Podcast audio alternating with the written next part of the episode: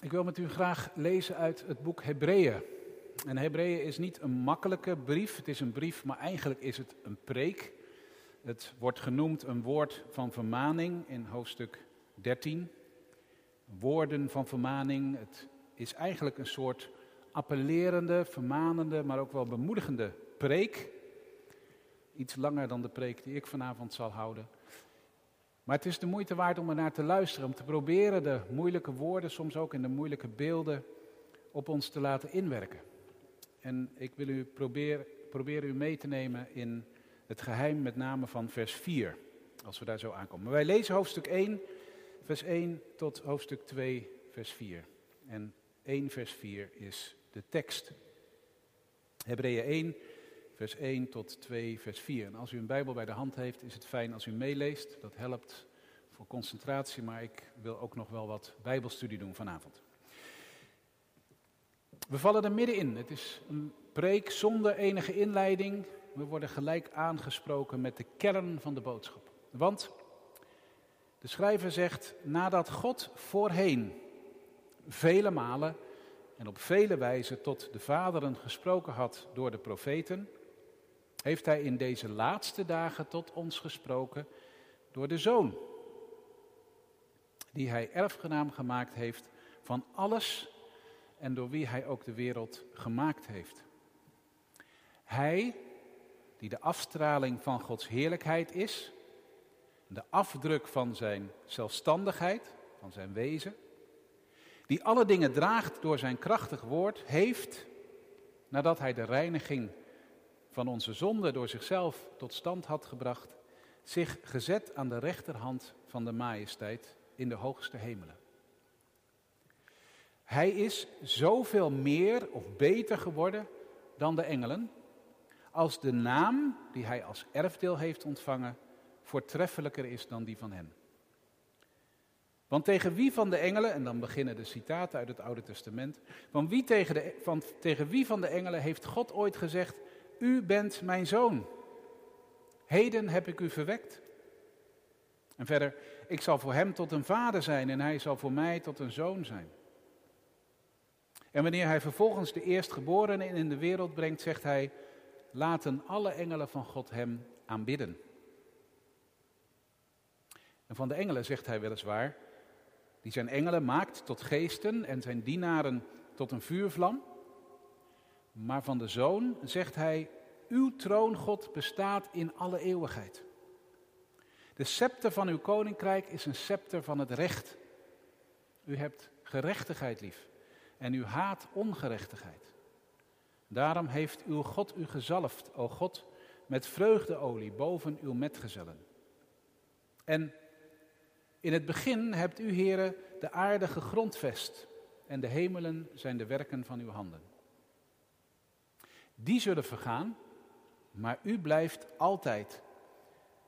En ze zullen alle verslijten als een gewaad.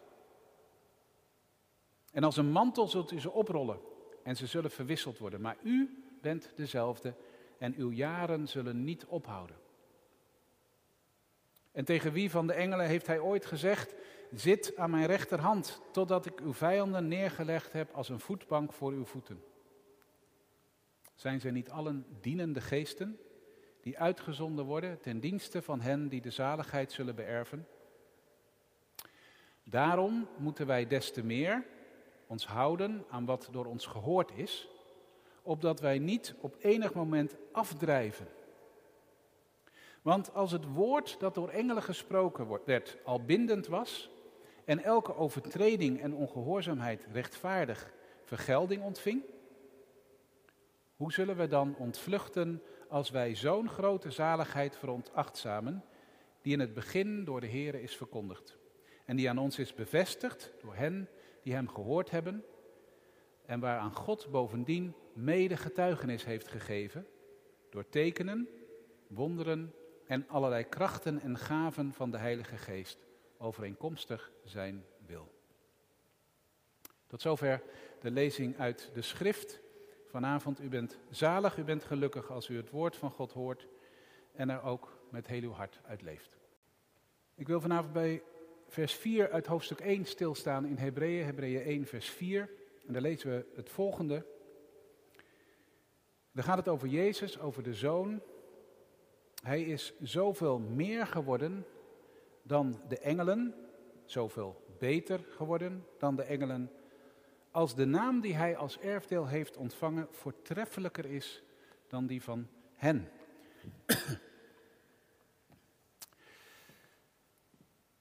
Bruce was onderhoudsmonteur. En Bruce was aan het werk onder zijn vrachtwagen. Een reguliere beurt. Er moest van alles aan deze vrachtwagen gebeuren. En hij lag eronder, zoals dat wel vaker als je aan een vrachtwagen sleutelt. Alleen deze ene keer ging het mis. De vrachtwagen schoof van zijn veiligheidspal af en gleed zo bovenop Bruce. En hij werd verpletterd. En hij voelde een enorme pijn en in die ene seconde voordat hij het bewustzijn verloor, riep hij, Heere God, help mij. En in plaats van een afgrijzelijke pijn voelde hij vrede. En zag hij zich wegzweven en keek hij van boven op de vrachtwagen naar zichzelf, zoals hij onder de vrachtwagen lag. En wat hij zag waren twee grote witte handen op zijn lichaam. Handen van een engel die hem beschermde. Handen die hem onder de vrachtwagen vandaan haalden, waardoor Bruce het uiteindelijk heeft overleefd, ondanks enorme verwondingen. En de doktoren in het ziekenhuis waren verrast hoe het mogelijk was dat hij het heeft overleefd. Dat zijn wel een beetje de verhalen, denk ik, die ons die indruk op ons maken. Waar we misschien ook wel een beetje nieuwsgierig naar zijn. Verhalen over engelen.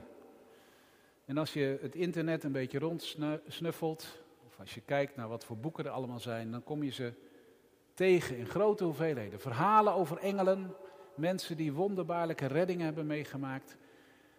Maar ook je hoeft er dus niet eens christen voor te zijn. Allerlei mensen die niet geloven in Jezus of in God, maar wel geloven in engelen, met engelen communiceren. Precies weten hoe je engelen, de aanwezigheid van engelen kunt ervaren. Ik weet niet hoe u hierbij zit of thuis, maar je bent wel gauw onder de indruk van dit soort verhalen. Als een soort teken van Gods aanwezigheid. Maar als je dit soort verhalen nou eens legt naast verhalen in de Bijbel over Jezus, waar krijg je dan meer energie van? Waar word je dan meer doorgeraakt? Als je nou eens eerlijk bent. In de Bijbel gaat het ook over engelen. Veel zelfs. En de afgelopen weken rondom kerst hebben we ze ook telkens weer voorbij zien komen. Engelen die verschenen zijn aan, aan Zacharia, aan Jozef en Maria, aan de, engelen, aan de herders in de, in de velden. Een engel, een grote schare van engelen. Engelen die de weg wezen naar Bethlehem, naar de kribbe. Engelen die de lof van God zingen. De Bijbel is vol van engelen. En het is duidelijk dat engelen belangrijke wezens zijn voor de Bijbel. Ze zijn degene die rondom de troon van God hem eer bewijzen. Ze behoren bij de legermacht van God. Het zijn de krachtige strijders van God. En die moet je niet onderschatten.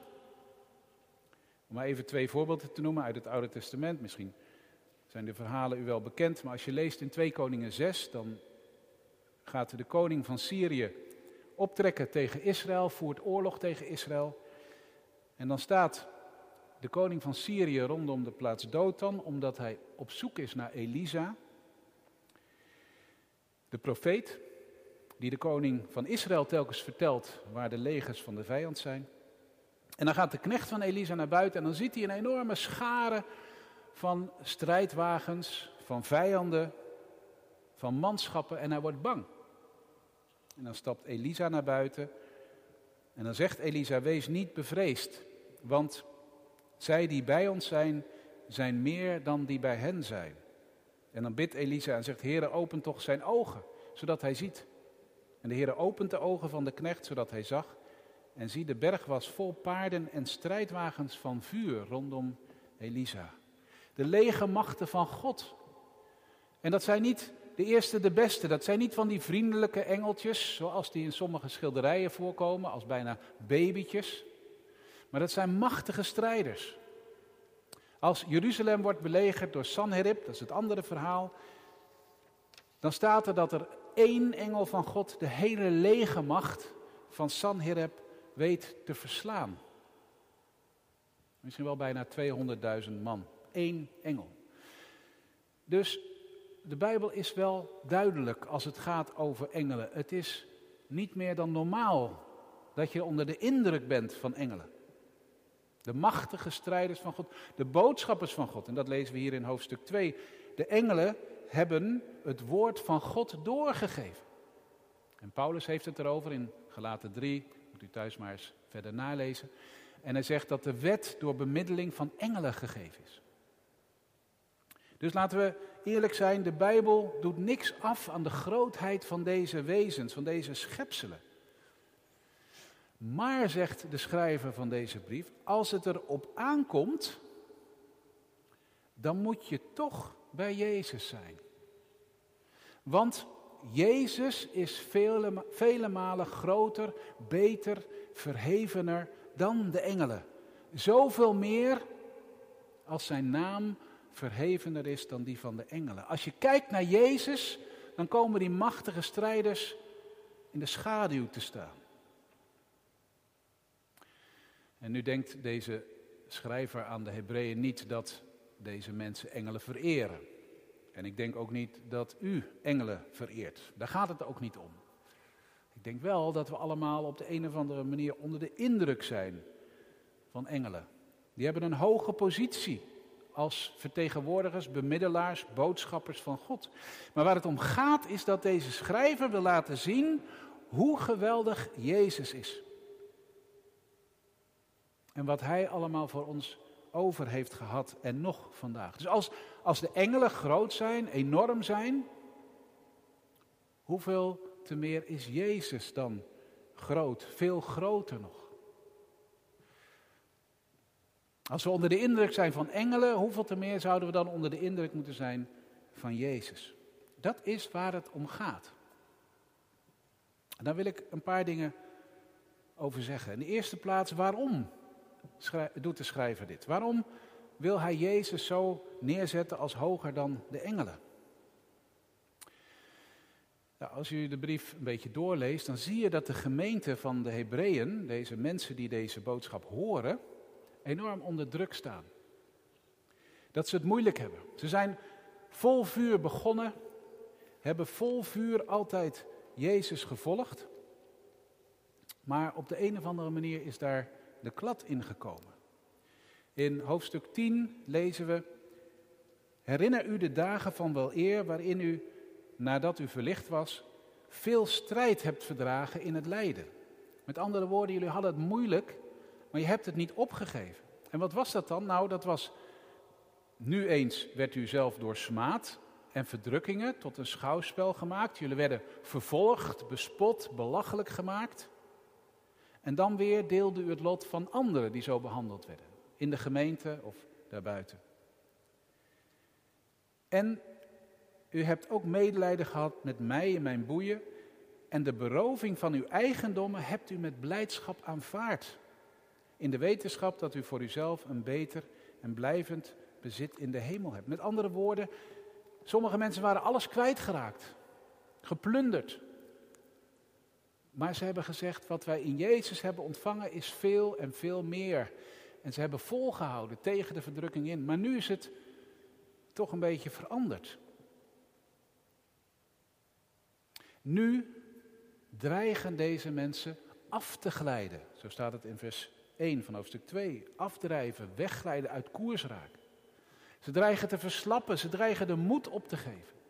En we lezen in de brief verderop iets dat ze lui geworden zijn in het lezen van het woord. Dat ze lui zijn niet zozeer om het lezen zelf, maar dat ze het niet meer in praktijk brengen en denken het zal allemaal wel. Wat hebben we eraan? En ze dreigen zo hun vrijmoedigheid weg te gooien. Ze komen niet meer samen als gemeente, bemoedigen elkaar niet meer en bidden ook niet samen meer om de krachtige doorwerking van de geest. En misschien moet u, moet jij zeggen, daar herken ik me wel in. Niet omdat we het nou zo enorm zwaar hebben in de zin van dat we vervolgd worden, of dat onze bezittingen worden geplunderd, maar wel in de zin van wat heeft het allemaal voor zin? Hoe lang gaat dit allemaal nog door en wordt het ooit anders? Wij kunnen niet samenkomen ja, met een kleine groep. Maar ook dat heeft hetzelfde effect als van de gemeente hier in deze brief. We raken elkaar uit het oog. We, we verliezen elkaar uit het oog. We raken elkaar kwijt. We kunnen elkaar niet meer bemoedigen als één afdreigt te haken, om elkaar mee te nemen. Het is moeilijk om samen echt in elkaars nabijheid te zijn, om te bidden, om de Bijbel te lezen. En hoe lang gaat dat nog duren? Hoe lang hou je het vol? Als je de week lang druk bent, ook je kinderen misschien nog moet lesgeven, nauwelijks nog een minuut tijd hebt voor jezelf, dan denk je aan het eind van de dag ook, het is mooi geweest, ik ben moe. En je gaat heel makkelijk verslappen in het lezen van de Bijbel, in het bidden.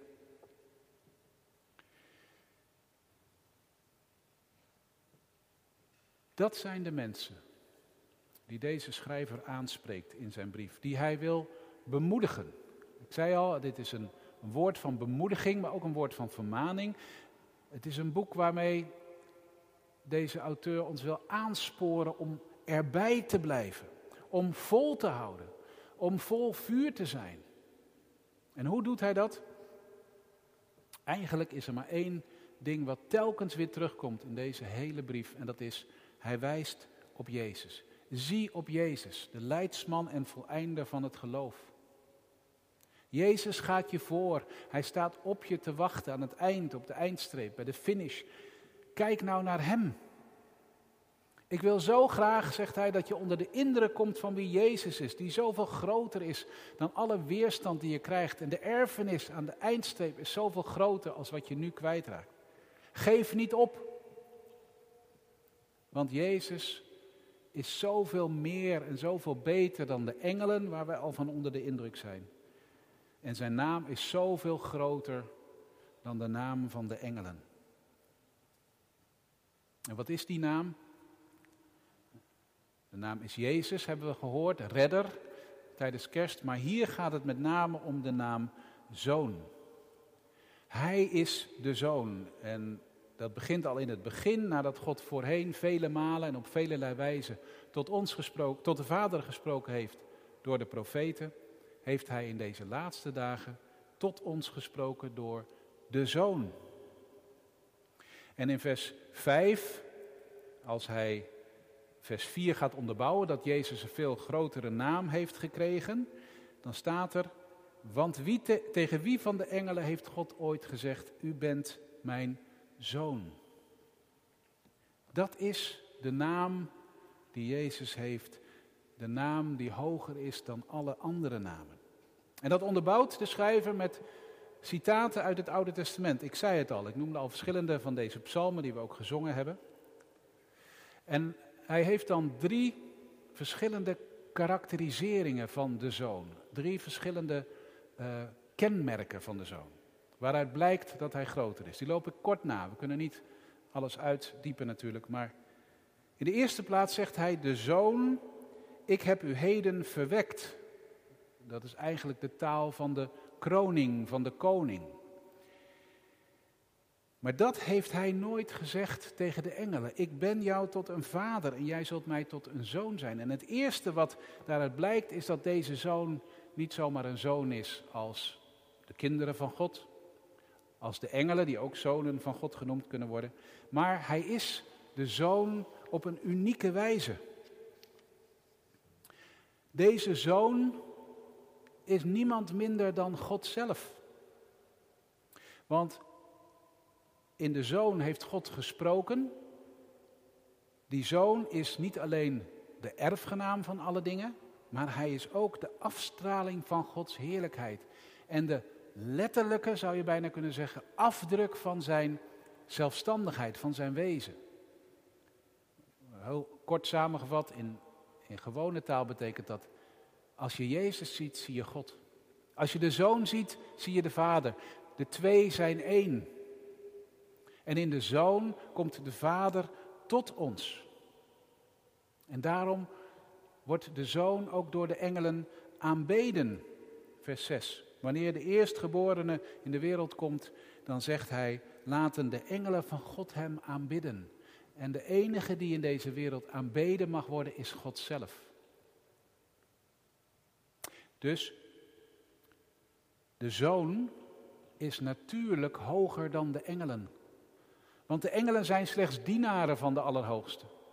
Letterlijk staat er slaven. Het zijn de dienaren die God uitzendt en dat moet je niet onderschatten. Maar de zoon is God zelf. En daarom staat er, en dat is het tweede waarmee de auteur dit allemaal onderbouwt. Hij zegt, deze zoon is dus ook de schepper. Want hij is God en God is ook de schepper. Vers 8, uh, sorry, vers 10.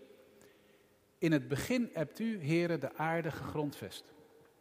En de hemelen zijn de werken van uw handen. Die zullen vergaan, maar u blijft voor altijd. En zij zullen verslijten en, en als een mantel zult u ze oprollen.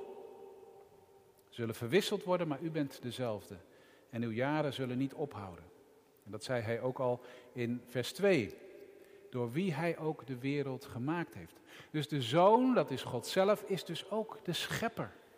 Hij heeft alle dingen gemaakt en op hem kunnen we dus ook vertrouwen dat hij alles opnieuw zal maken. Nieuw zal scheppen. En als je dat vergelijkt met de engelen. De engelen zijn slechts dienende geesten die door God gemaakt zijn. Het zijn schepselen, meer niet. Geen van de engelen heeft ooit de fundering van de wereld kunnen leggen.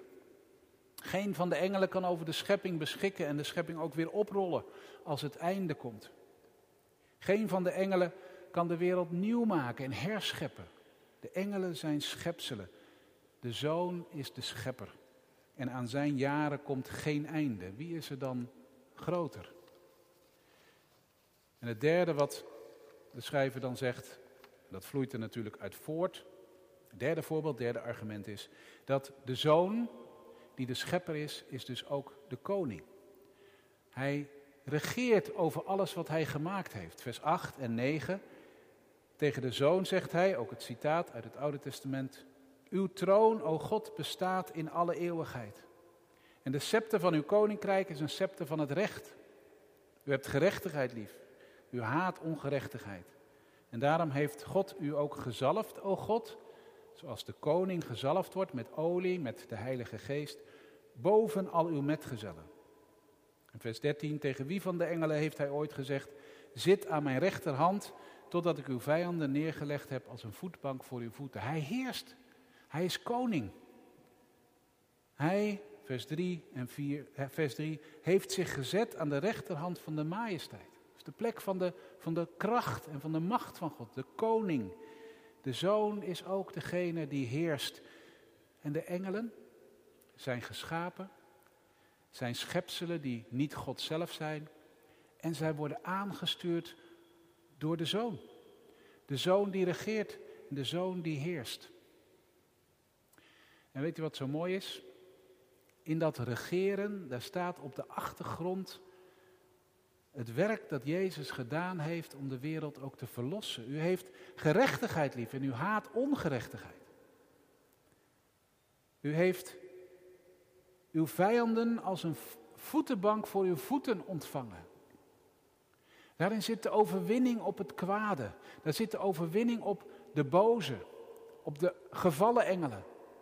Daar zit de overwinning op de boze die moet worden weerstaan. Daar zit de overwinning op de dood. En ten diepste de overwinning op de zonde, waardoor alles misgegaan is.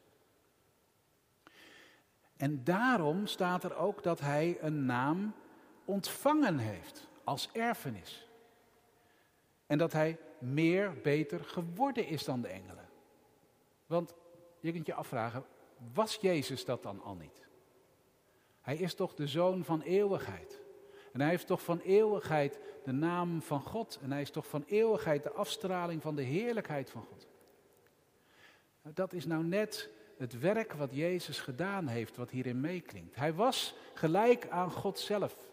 Hij die de heerlijkheid, de majesteit van God niet als roof, niet krampachtig heeft vastgehouden, maar zich heeft vernederd, mens is geworden, slaaf is geworden, zich vernederd heeft tot aan het kruis en daarom door God is verhoogd en de naam gekregen heeft boven alle naam. Dat is Filippenzen 2. Zo heeft Jezus niet de naam als eerste ontvangen, maar zo heeft hij die naam ontvangen als een erenaam. Heeft hij de positie gekregen als een overwinningspositie. Hij heeft de vijanden overwonnen. Hij is de triomfator. Hij heerst en heeft daarom de hoogste naam gekregen, de naam aller namen. En elke knie in de wereld en boven de wereld en onder de wereld zal zich voor hem buigen. En elke tong zal beleiden dat Jezus Heer is. Dat is wat hier bedoeld wordt als hij de positie aan Gods rechterhand heeft gekregen. Een hogere naam en een betere positie dan de engelen. Dat is het werk dat Jezus heeft gedaan vanuit de hemel naar de aarde en weer omhoog. En als je dat nou weet, op wie zou je dan liever je leven bouwen? Jezus groter, beter dan de engelen. Wat betekent dat dan vanavond voor ons? Ik wil u graag drie aandachtspunten meegeven om thuis nog eens over na te denken of deze week nog eens mee bezig te zijn. het eerste is een vraag. De eerste vraag is, wie is Jezus voor jou? Wie is Jezus voor u? Is hij een soort engel? Zo van, als ik het moeilijk krijg, kan ik altijd een beroep doen op een engel, op Jezus. Als ik ooit onder een vrachtwagen of iets dergelijks terechtkom, dan kan ik altijd me nog aan Jezus vasthouden. Is hij een bijzondere leraar met veel wijsheid, die je af en toe wel eens een bemoedigend woord geeft, die je af en toe wel even toespreekt als je het even niet ziet zitten, zodat je weer verder kunt. De brief van de Hebreeën zegt, hij is ten diepste God zelf.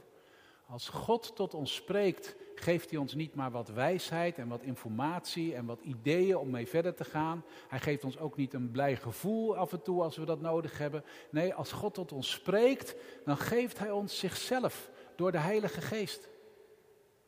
God wil niets liever dan dat wij met Hem, met Jezus, een relatie hebben. Met Hem verbonden zijn, Hem lief hebben, zoals Hij ons lief heeft.